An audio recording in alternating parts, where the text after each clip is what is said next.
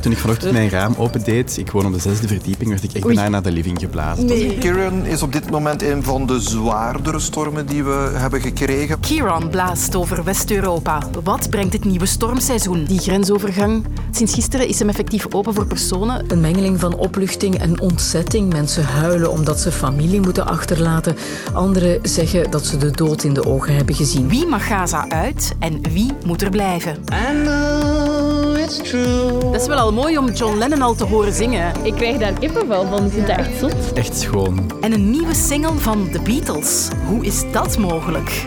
Wij brengen je dit kwartier vol nieuwsverhalen gewoon in levende lijven. Ik ben Katrien Boom. Fijn dat je luistert.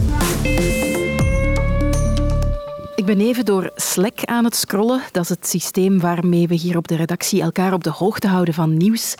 En als ik door de berichten van de afgelopen uren ga, dan lees ik eh, bijvoorbeeld scheepvaartverkeer op de Schelde ligt stil.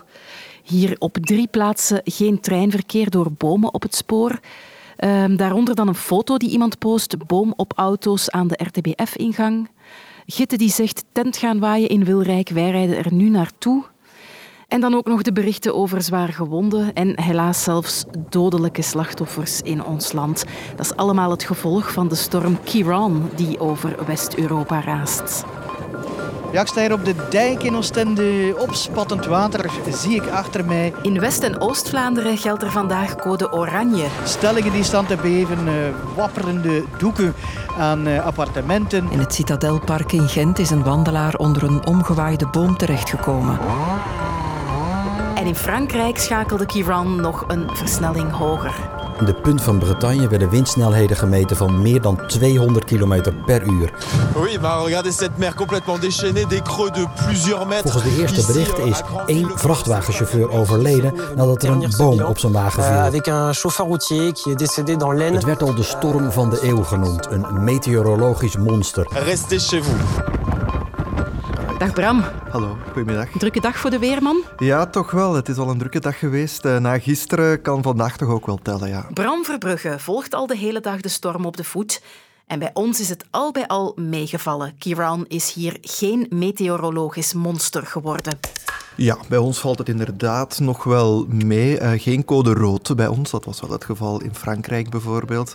Bij ons een eh, terechte code oranje voor, eh, voor drie provincies. West-Vlaanderen, Oost-Vlaanderen en Henegouwen. De rest van het land geel. Maar oranje, dat is iets wat bij ons wel vaker gebeurt. Dat komt wel vaker voor. Nu, we moeten al teruggaan naar het voorjaar van vorig jaar om eigenlijk opnieuw een soortgelijke situatie te vinden. Er zijn toen een, een viertal stormen na elkaar gepasseerd en vooral de laatste twee, Eunice en Franklin, dat waren toch wel twee stormen die vergelijkbaar zijn met Kiran, eh, die op dit moment over ons land trekt. Ik heb vandaag ook al het woord bomcycloon horen vallen. Ja. Wat is dat? Dat wijst eigenlijk op het eh, heel snelle karakter waarop deze storm zich ontwikkeld heeft. Dus cycloon is een andere, een andere benaming voor een lage luchtdrukgebied.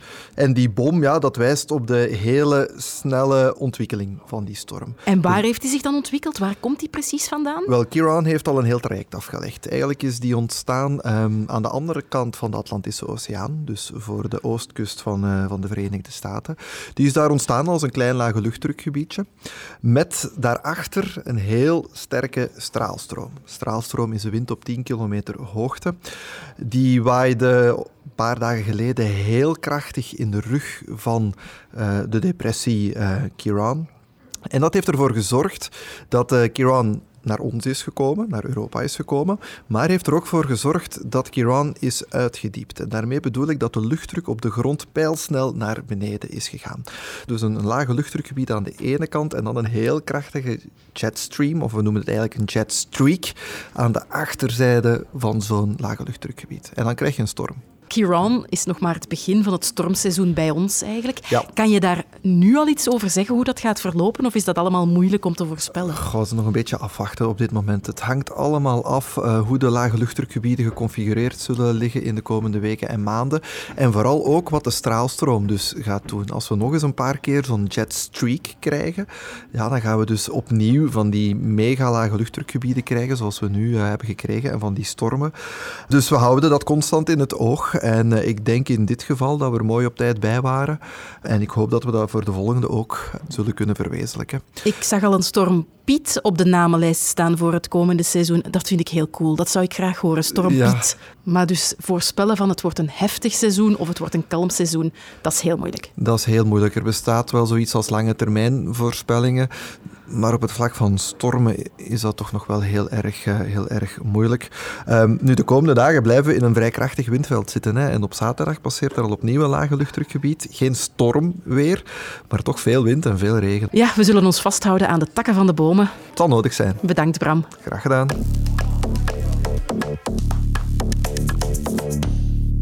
Van het winderige West-Europa ga ik nu naar het zuiden van de Gazastrook, aan de grenspost van Rafah. Want gisteren was het daar eindelijk zover. Na weken van oorlog konden er opnieuw mensen via die veelbesproken grenspost naar Egypte gaan. En ook vandaag zijn mensen kunnen vertrekken uit de Gazastrook. Al blijft het voorlopig bij een heel beperkte groep. Noona is een van die mensen die zijn kunnen vertrekken omdat ze de Australische nationaliteit heeft. Maar echt gelukkig is ze niet. Daarvoor staat haar verdriet nog te veel in de weg. I'm not happy at all. That's because I'm leaving my my other part, my brothers and sisters, my whole family is still here. I wish, inshallah, ya Rab, they all be in safe place. Situation is terrible there. It's very, very bad. Veel familieleden van Noona moesten dus achterblijven, want zij staan niet op de namenlijst van mensen die de grens mogen oversteken. Hoe zit dat precies met die namenlijst? En waarom worden er maar zo weinig mensen doorgelaten? Hallo. Ik heb mijn vragenlijstje gestuurd naar Ruud van de Wallen. Zij is onze correspondent in Egypte. Wie mag er weg uit Gaza? Dat zijn eigenlijk twee soorten mensen. Enerzijds zijn het Palestijnen met een dubbele nationaliteit of een buitenlands paspoort. Het gaat in totaal over 7000 mensen. En gisteren zijn er zo'n 350 daarvan de grens kunnen oversteken. Vandaag zou het om 400 mensen gaan, vooral mensen met een Amerikaans paspoort. Dus als je berekent hoe lang het zou duren om iedereen de grens over te steken, ja, dan zijn we toch zo'n twee weken bezig. En anderzijds zijn het zwaar gewonde Palestijnen. Twee weken geleden is er een vraag gekomen van het Egyptisch ministerie van Gezondheid naar het Shifa-hospitaal, dus het belangrijkste ziekenhuis wat nog staande is in het oorlogsgebied.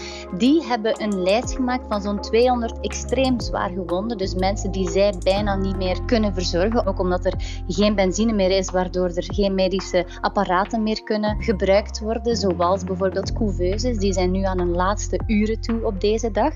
En van die lijst van die 200 gewonden zijn jammer genoeg in de afgelopen twee weken ook mensen omgekomen. Iedereen die die grens over mag zijn mensen die enorm veel geweld hebben gezien, die zelf ook mensen verloren zijn, maar die tegelijkertijd ook mensen zullen achterlaten. Het overgrote deel van de Gazanen, dat zijn er 2,3 miljoen, die zitten vast in Gaza onder de Israëlische bombardementen en die kunnen Gaza niet uit.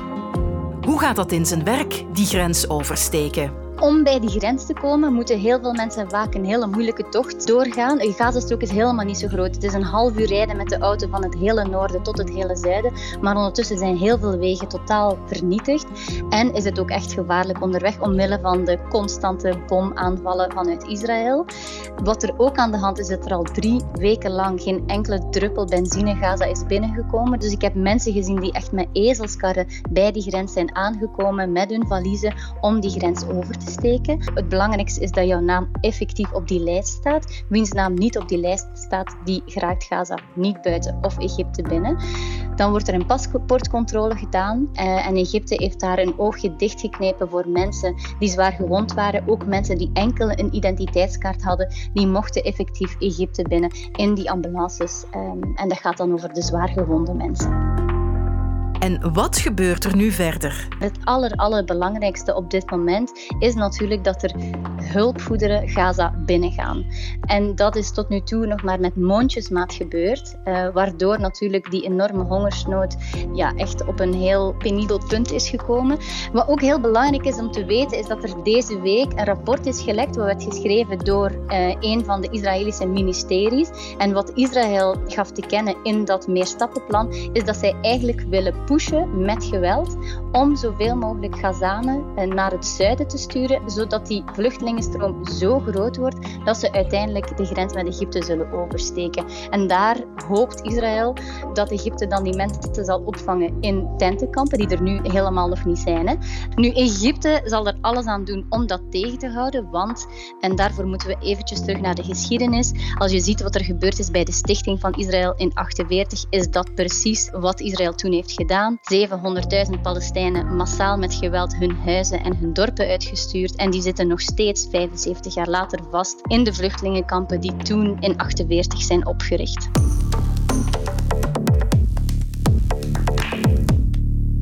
Kunnen we... Start ik? Ja, kunnen we luisteren? Oeh. Oké. Zot. Ik zeg wel niet direct Beatles. Het is toch duidelijk Lennon? Ja, dat wel, dat wel. Maar de sound vind ik zo wel wat hedendaagser.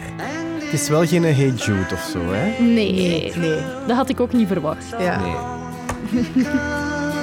We hebben hier net een korte luistersessie gehouden, want Now and Then is er. Het kersverse en ook het allerlaatste nummer van The Beatles. Het is een lied dat wijle John Lennon in 1978 zelf schreef en opnam op een cassetje.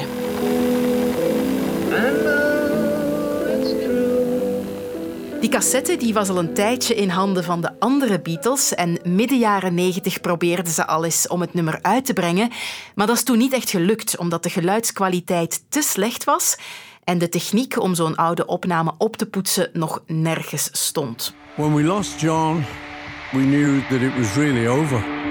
Maar ondertussen is er veel meer mogelijk. They said, This is the sound of John's voice. A few seconds later, or however long it took, and there it was John's voice. Crystal clear. I know it's true. It's all because of you. En het is dan toch gelukt. Paul McCartney en Ringo Starr die besloten om er muziek onder te zetten. En daar was hij dan, Now and Then, die officiële afscheidssingle van The Beatles.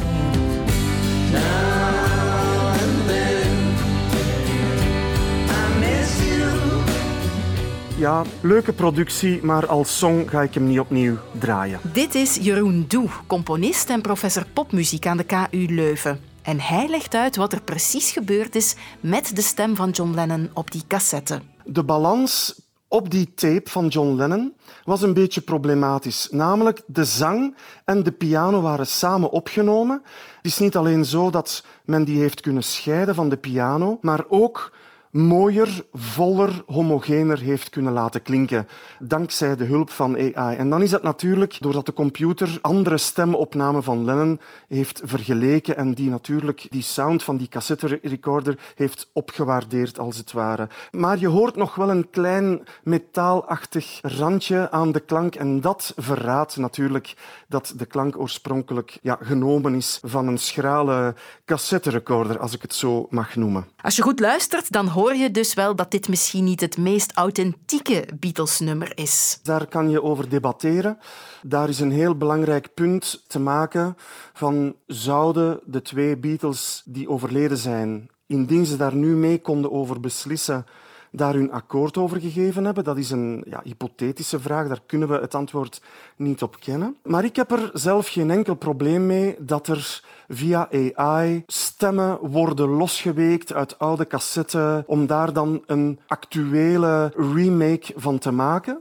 Want zo komen er soms meesterwerken aan het licht die anders ja, voor altijd verborgen zouden zijn. En het is nu aan de fans om te oordelen. Pikken ze die song op? Ja, dan nee. Daar kan ik als randbemerking bij zeggen.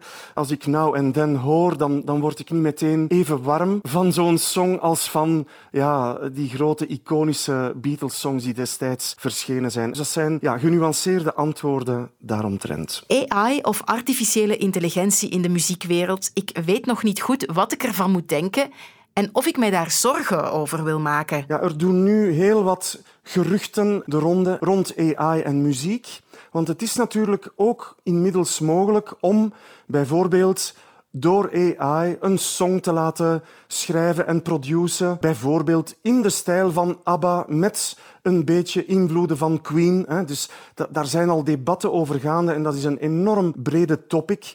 Maar we moeten deze release van de Beatles, van Now and Then, volledig loszien van dat soort mogelijke AI-toepassingen. Namelijk, hier heeft AI enkel gediend om de stem van John Lennon te isoleren van zijn pianospel. En voor de rest is al de toegevoegde waarde, al het bijkomende werk de muzikanten, Paul McCartney, Ringo Starr. De hele productie is eigenlijk gewoon live gespeeld.